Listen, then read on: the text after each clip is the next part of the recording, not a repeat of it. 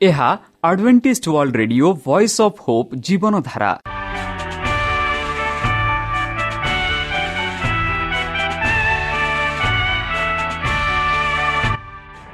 Odia radio କାର୍ଯ୍ୟକ୍ରମ ଯାହା ଆମର ଆନ୍ତର୍ଜାତୀୟ ଆଘାତ କେନ୍ଦ୍ରରୁ ପ୍ରସାରଣ କରାଯାଉଛି ପ୍ରତିଦିନ ରାତି ନଅଟା ତିରିଶ ମିନିଟ୍ରେ। ମୁଁ ସୁବ୍ରତ କୁମାର ପତି ପ୍ରେମର ସହ ଆପଣମାନଙ୍କୁ ଏହି କାର୍ଯ୍ୟକ୍ରମକୁ ସ୍ୱାଗତ କରୁଅଛି। ଚାଲନ୍ତୁ ଆଜିର ତିରିଶ ମିନିଟ୍ର କାର୍ଯ୍ୟକ୍ରମ ବିଷୟରେ ଜାଣିନେବା। ପ୍ରଥମେ ରଖିଛୁ ଆଧ୍ୟାତ୍ମିକ ଭକ୍ତିମୟ ଗୀତ। ଏହାପରେ ଶୁଣିବା ସ୍ୱାସ୍ଥ୍ୟ ବିଷୟରେ ଭକ୍ତଙ୍କଠାରୁ ଜୀବନଦାୟକ ଈଶ୍ୱରଙ୍କ ବାକ୍ୟ। ପ୍ରିୟ ଶ୍ରୋତା ତାହେଲେ ଚାଲନ୍ତୁ ଶୁଣିବା ଏକ ଆଧ୍ୟାତ୍ମିକ ଭକ୍ତିମୟ ଗୀତ।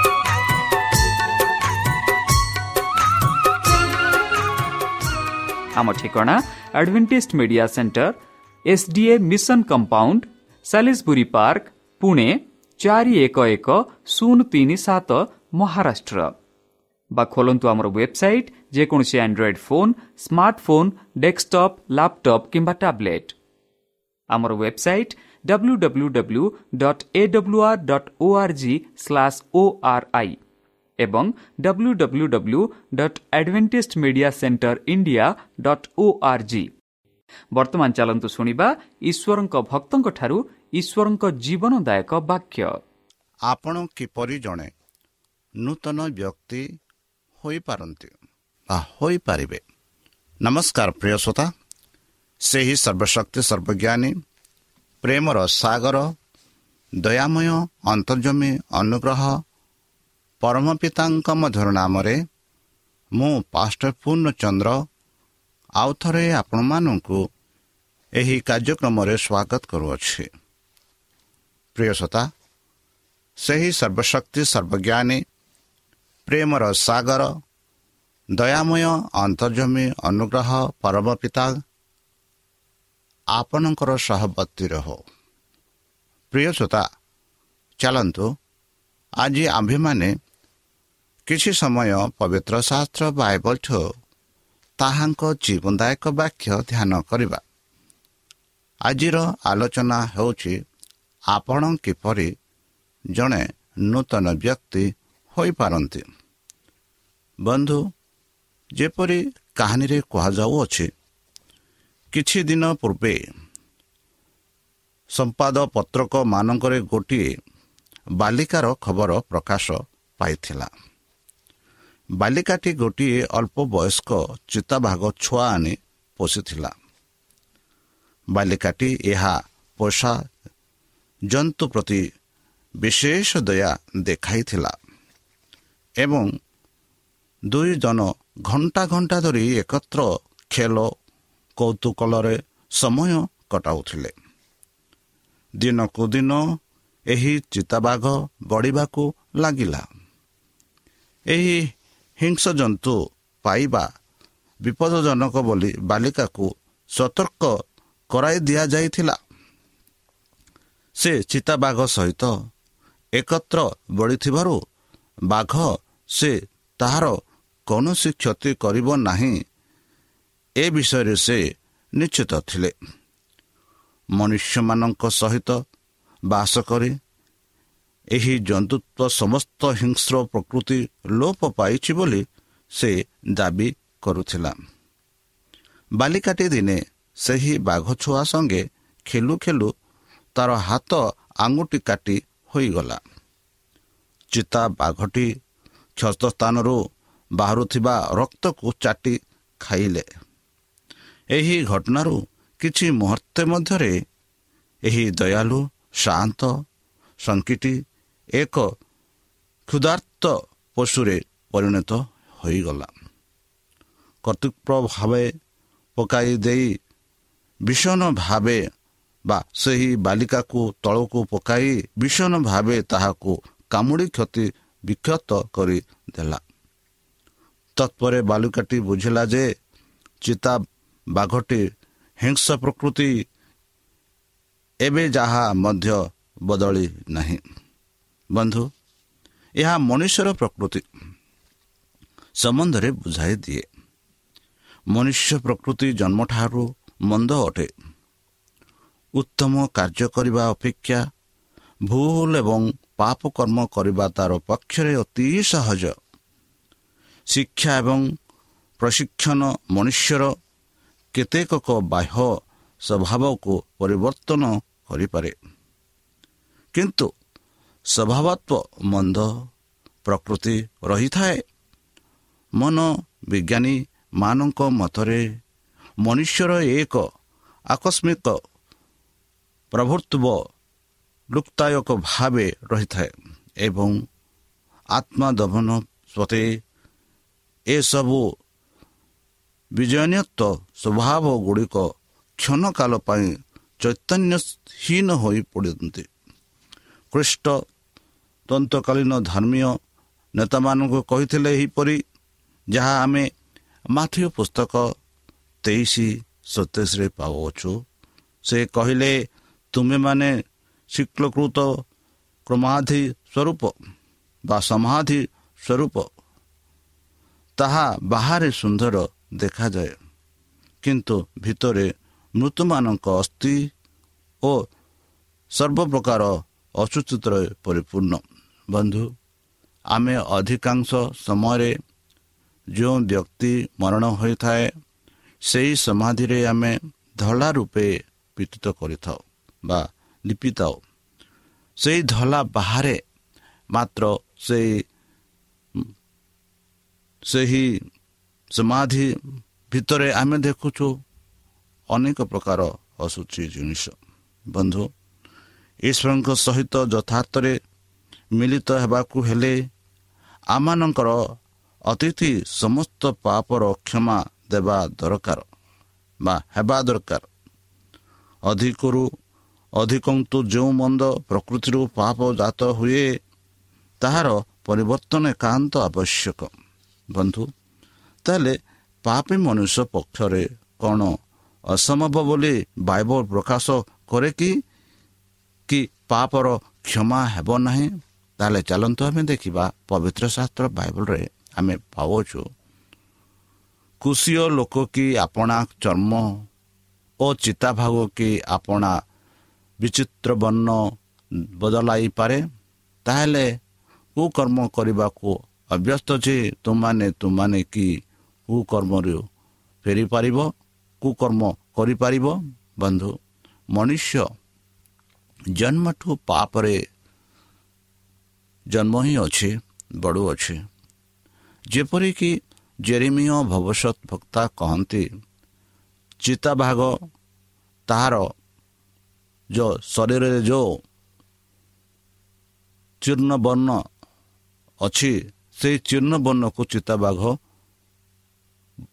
ପରିବର୍ତ୍ତନ କରିପାରିବ ନାହିଁ। ଯେପରିକି କୁଶୀୟ ଲୋକ କି ଆପଣା ଚର୍ମ ଓ ଚିତା ବା କୁଶୀୟ ଲୋକମାନେ ଯାହା ଆମେ କହୁ ସାଧାରଣରେ ଭାବେ ଆମେ କହୁ କି ଆଫ୍ରିକା ଦେଶରେ ଯେତେ କଳା ଲୋକ ଅଛନ୍ତି ବା କଳା ଚର୍ମ ଯଦି ଆମଠାରେ ଅଛି କଳା ଚର୍ମକୁ ଆମେ କେବେ ହେଲେ ପରିବର୍ତ୍ତନ କରିପାରିବା ନା। ଏହା ହେଉଛି ମଣିଷର ଚରିତ୍ର। ଏହା ହେଉଛି ମନୁଷ୍ୟର ଆଚରଣ। କୁକର୍ମ କରିବାକୁ ଅଭ୍ୟସ୍ତ ଯେ ସେ ତୁମ୍ଭେମାନେ ତୁମମାନେ କି ସୁକର୍ମ କରିପାରିବ ବୋଲି ଜିରିମିୟ ଭବିଷ୍ୟତ ବକ୍ତା ପ୍ରଶ୍ନ କରୁଛନ୍ତି। ବନ୍ଧୁ ଜିସାୟ ଭବିଷ୍ୟତ ବକ୍ତା ବି କହନ୍ତି ଏହିପରି ମନୁଷ୍ୟର ଧାର୍ମିକତାକୁ ଜିସାୟକୁ କିପରି ବର୍ଣ୍ଣନା କରନ୍ତି?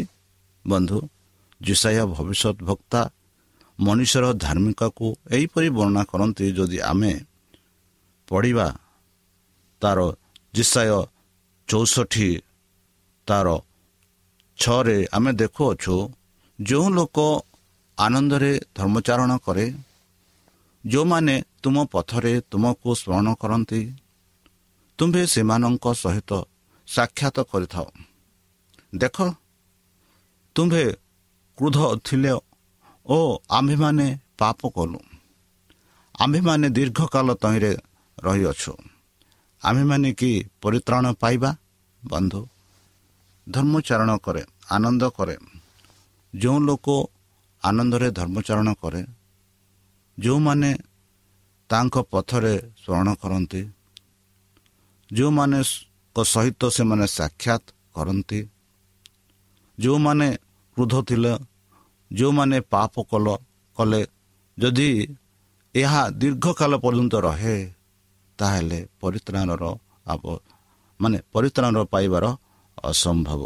ବନ୍ଧୁ ରୋମିଓ ରେ ରୋମିଓ ପନ୍ଦର ଅନିଷ୍ଟୁ ପନ୍ଦର ଉଣେଇଶ ପର୍ଯ୍ୟନ୍ତ ସାତ ପନ୍ଦର ଉଣେଇଶ ପର୍ଯ୍ୟନ୍ତ ଆମେ ଦେଖୁଅଛୁ କି ସାଧୁ ପାଉଲ ଏହିପରି କହନ୍ତି।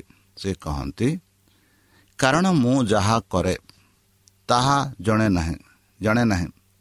ଯେଣୁ ମୁଁ ଯାହା ଇଚ୍ଛା କରେ ତାହା କରେ ନାହିଁ। ବରଂ ଯାହା ମୁଁ ଘୃଣା କରେ ତାହା ହିଁ କରେ। ବନ୍ଧୁ କେତେ ସୁନ୍ଦର ଭାବରେ ସାଧୁ ପାଉଲ ମାନଙ୍କୁ ପ୍ରକାଶ କରୁଛି ଆମର ଚରିତ୍ର ବିଷୟରେ। ସେ କହନ୍ତି କାରଣ ମୁଁ ଯାହା କରେ ତାହା ଜାଣେ ନାହିଁ। ଯେଣୁ ମୁଁ ଯାହା ଇଚ୍ଛା କରେ ତାହା କରେ ନାହିଁ। ବରଂ ମୁଁ ଯାହା ଘୃଣା କରେ ତାହା ହିଁ କରେ। ଆମେ ସେହିପରି କରିଥାଉ।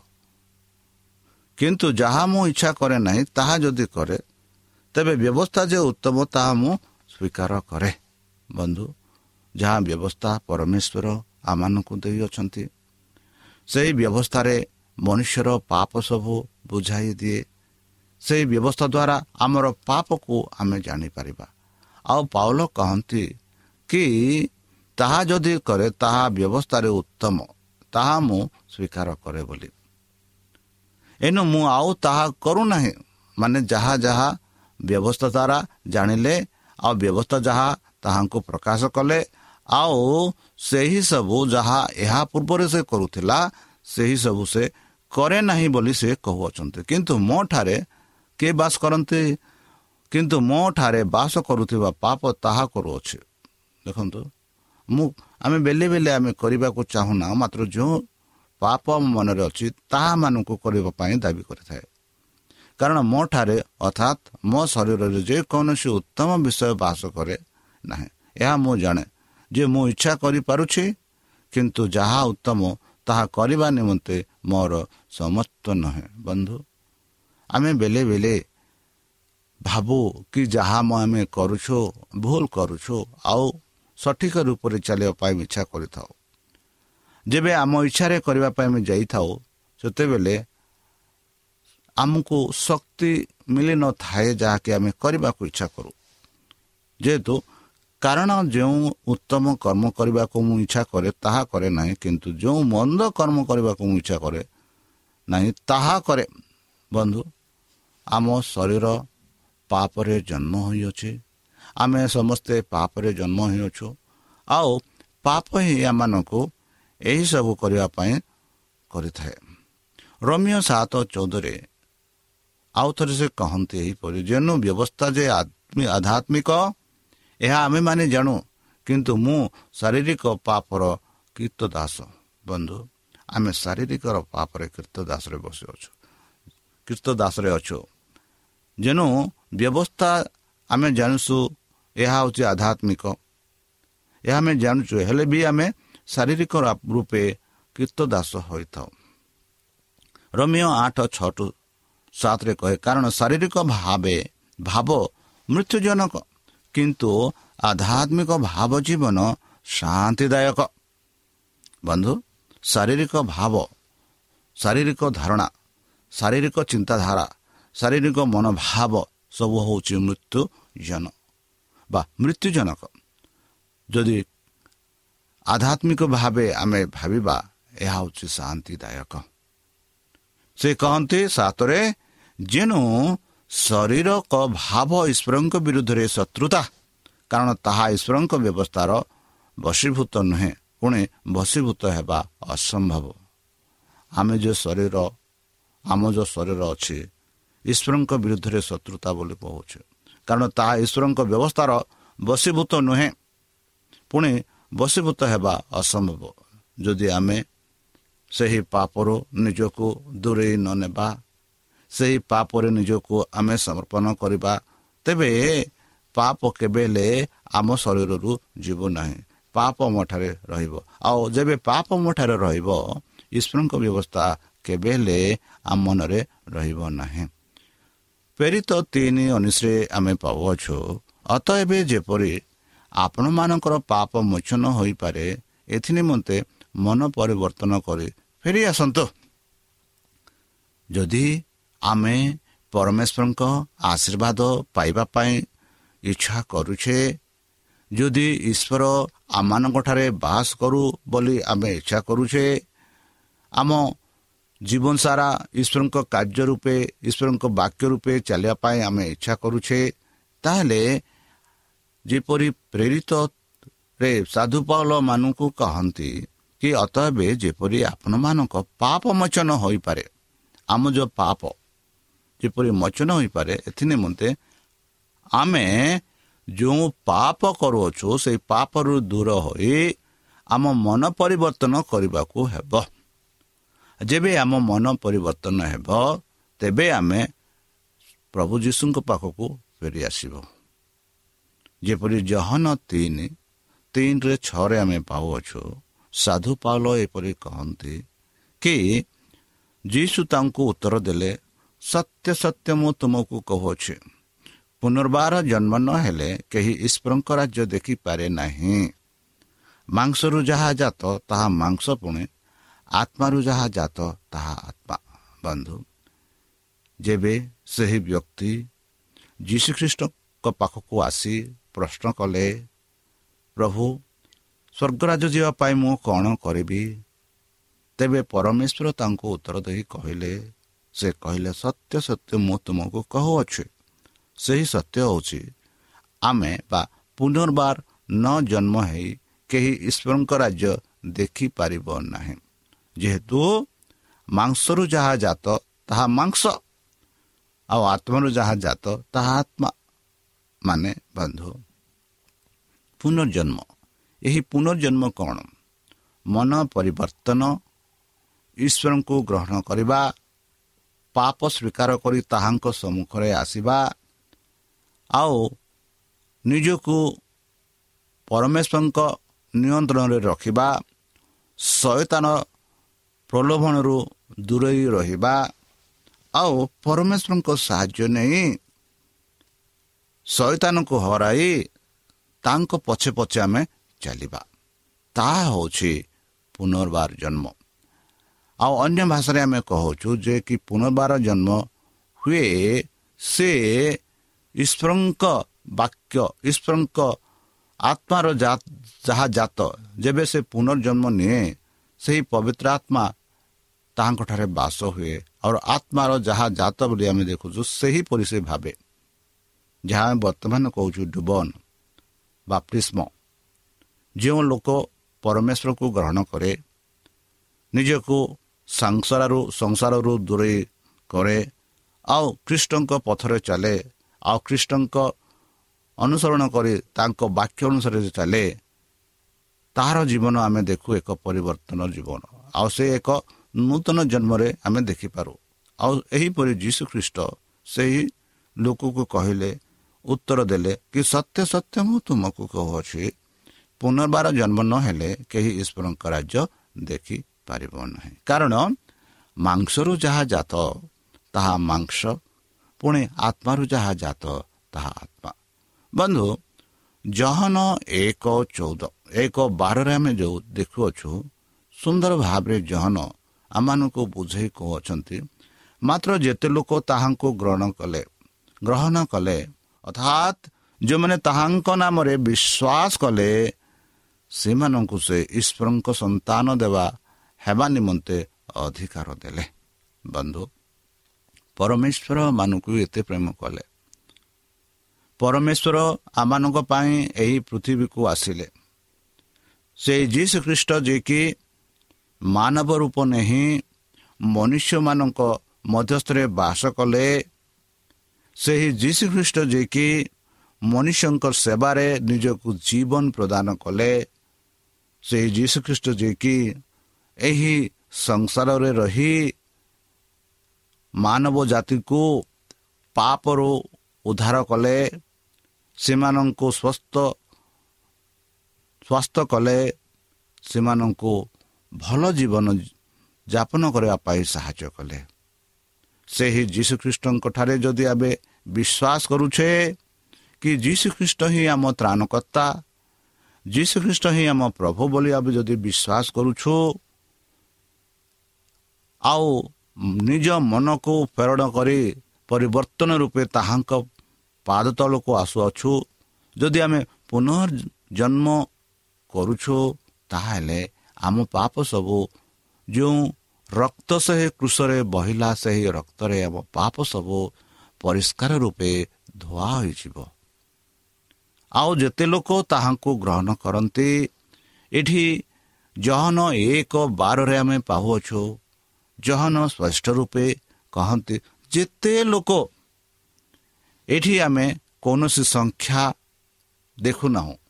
ଏଠି ଆମେ ପାଉଅଛୁ ଯେତେ ଲୋକ।